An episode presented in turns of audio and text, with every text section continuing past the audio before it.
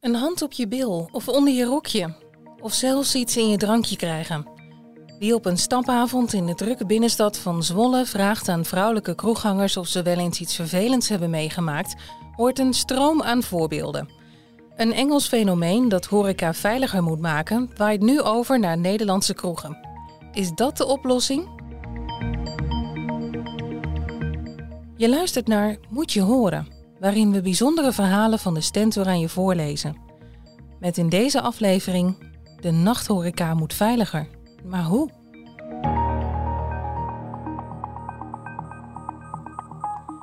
Het is deze week nog gebeurd. Een man van een jaar of tien ouder die me vol onder mijn rokje greep. Dat je echt denkt, wat doe je? Lianda, 19 jaar, rood haar, bruine jas en lichte ogen, staat op de grote markt in Zwolle. Achter haar slenteren groepen vrienden langs, op weg naar de kroeg of het café. Als ik drank op heb, zijn er altijd wel mannen die me lastigvallen.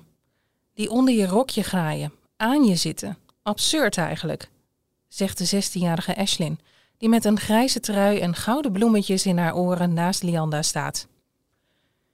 De stentor stond een vrijdagavond in de drukke binnenstad, sprak zoveel mogelijk vrouwen aan, met de vraag: Hebben jullie wel eens iets vervelends meegemaakt tijdens het stappen? Lianda en Ashlyn, twee jonge vrouwen, vertellen een stroom aan verhalen over seksuele intimidatie tijdens uitgaan. Ze zijn niet de enige. Veel vrouwen hebben wel één of meerdere verhalen. Wie s'avonds laat door het centrum wandelt, ziet een kolkende mensenmassa, hossend in de feestcafés. Het geluid van honderden stemmen galmt door de straten. Maar het seksueel overschrijdend gedrag dat hier plaatsvindt, blijft nog erg onzichtbaar. Niet alleen hier, maar in elke stad of elk dorp. Uit onderzoek blijkt dat seksuele intimidatie er nog heel veel voorkomt. Dat we specifiek vrouwen aanspreken heeft te maken met het feit dat vrouwen vaker slachtoffer worden van seksuele intimidatie en seksueel overschrijdend gedrag.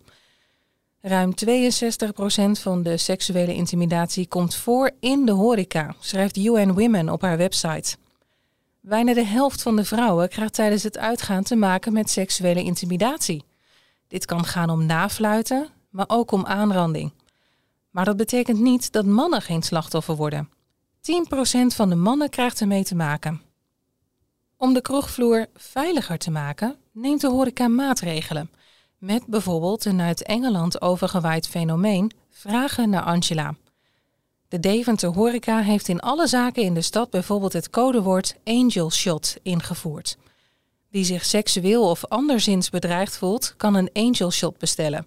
Het personeel neemt dan maatregelen. In Engeland werd de campagne Ask for Angela al in 2016 uitgerold. De term Angela is een woordspeling op het woord beschermengel, Guardian Angel. Ook in Zwolle spelen ze in op een veiligere kroegvloer. Nachtburgemeester Rowan van Drogen. Het is echt nog heel vers, maar we gaan samen met de gemeente kijken naar veilig uitgaan. Onderzoeken of er bijvoorbeeld een meldpunt nodig is. Amy Stikkelman van Café Koos in Zwolle traint haar personeel specifiek op het herkennen van seksueel overschrijdend gedrag. De persoon die de glazen ophaalt kijkt rond. hey, gebeuren er nog gekke dingen? Je kan de wereld aflezen aan lichaamstaal. Als iemand afgekeerd staat, teruggedeinst bijvoorbeeld. Ook hangt er op de wc van Koos de poster Ben je oké? Dat is een landelijke campagne van Expertisecentrum voor Seksualiteit Rutgers. Zie je ongewenst seksueel gedrag? Stel de vraag, is de leus. Veel andere Zwolse nachtkroegen hebben deze poster ook in het toilet hangen. Van Drogen? We hadden eerst ook vragen naar Angela, maar nu is het ben je oké? Dat is breder. Terug naar de binnenstad, waar geen einde lijkt te komen aan de verhalen. Een meisje van 22 in een groene jurk glimlacht cynisch. Als ik 50 cent zou krijgen voor iedere keer als er iemand aan mijn billen zat, was ik nu hartstikke rijk, zegt ze. Ze viert vanavond de verjaardag van een vriendin, is met een grote groep vrouwen op stap. De 23-jarige Noor hoort daar ook bij. Wit pak, grote oorbellen in haar oren. Ze knikt dat is echt al vele tientallen keren gebeurd. Een ander meisje met een lichtgroene blazer over haar schouders valt haar bij. Ik werd net nog nageroepen dat ik wel goed zou kunnen zuigen. Bizar. Een hand op je bil, iemand die je aanraakt. Fluiten of je naroepen. Daar voel je je toch ongemakkelijk bij? Wat nou als ze je daarna volgen, zegt Jalesa, 30 jaar, zittend op een terras van een speciaal biercafé. De 30-jarige vriendin Ergel zit naast haar aan een tafeltje. Ze knikt. Er gebeuren wel eens dingen waar ik me niet prettig bij voel. Een 23-jarig meisje uit Zwolle aan een andere tafel neemt een slokje van haar drankje. Ik ben een keer gevolgd naar mijn huis. Heel erg naar. De 18-jarige Lunara wandelt samen met vier vriendinnen voor het terras langs. Donker haar, gouden oorbellen. Een man zat aan mijn kont. Ik voelde me daar echt niet fijn bij. Een bewaker heeft hem eruit gezet, vertelt ze. Ze schudt haar haren los. En naroepen. Dat gebeurt ook vaak. Ja, bijna altijd eigenlijk. Zulke dingen voelen niet fijn. Een beetje onveilig. Eigenlijk is het gewoon heel asociaal.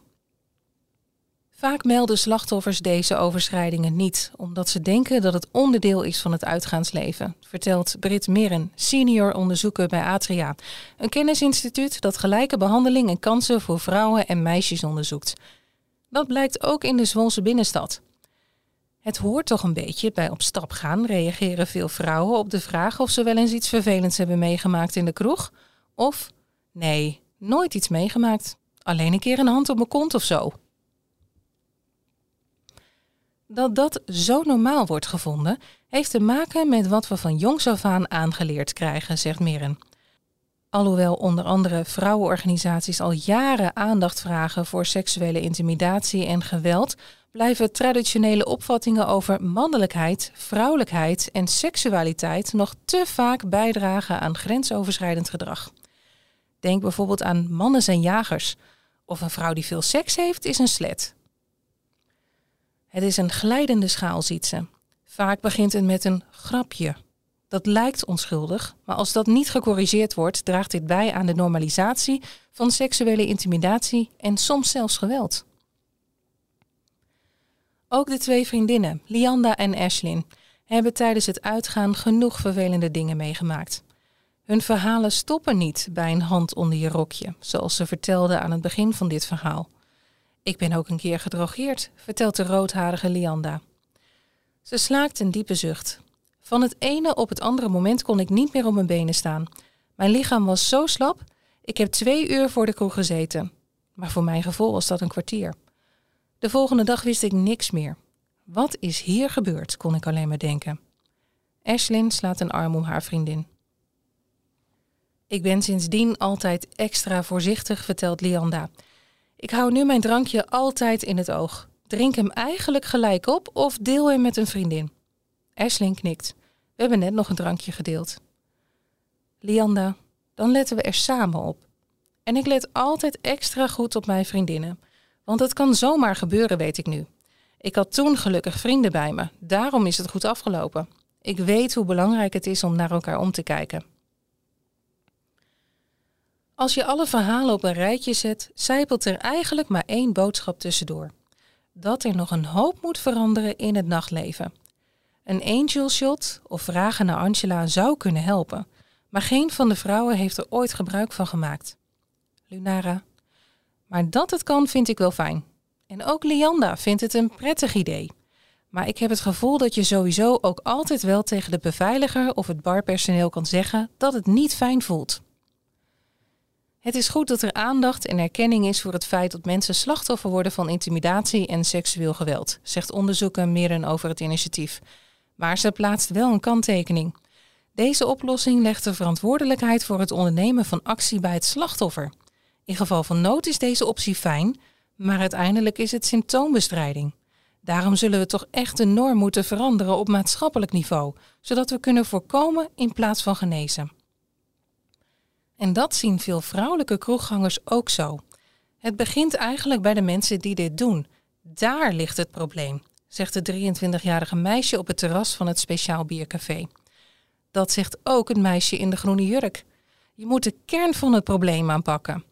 Maar ik wil ook zeggen, ik heb drie vrienden in mijn telefoon, jongens, die ik altijd kan bellen als ik alleen naar huis moet fietsen. Niet elke jongen is zo, maar er zijn er een paar die het verpesten voor de rest onderzoeken Meren. Een overgroot deel van de mannen is niet gewelddadig, maar de meeste plegers van intimidatie en geweld blijven mannen.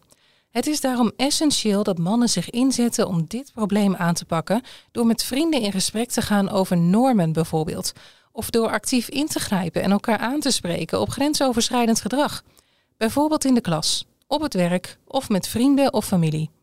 Een publiekscampagne als Ben je oké draagt bij aan zo'n gesprek, zegt Meren. Het meisje op het terras vat het even kort en bondig samen. De mannen die dit doen, moeten gewoon optieven. Kappen met zulke dingen. De branchevereniging voor de horeca in Nederland, Koninklijke Horeca Nederland, biedt cursussen en protocollen hoe om te gaan met ongewenst gedrag. Wat wij als branchevereniging voornamelijk kunnen doen, is het zo goed mogelijk informeren van ondernemers, zegt Laurien Bus, woordvoerder. Een cursus die wij bijvoorbeeld aanbieden is Safer Clubbing. Daarin leert kroegpersoneel hoe in te grijpen bij situaties die uit de hand lopen.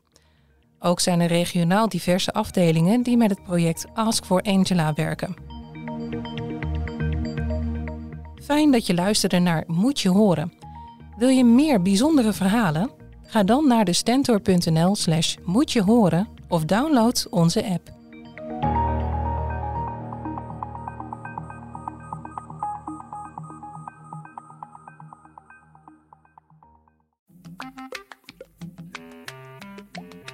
Iedereen weet het. Ongeluk plan je niet, het overkomt je. Toen heb ik een hele tijd weer moeten revalideren voordat ik zelf weer kon lopen. Ja, als je van tevoren had geweten, ja, dan weet ik niet of we er überhaupt aan waren uh, begonnen. Hoe zorg je voor jezelf als het leven tegenzit? En hoe houd je de regie? Je hoort die antwoorden in aflevering 23 van de podcastserie Zorg voor Leefkracht.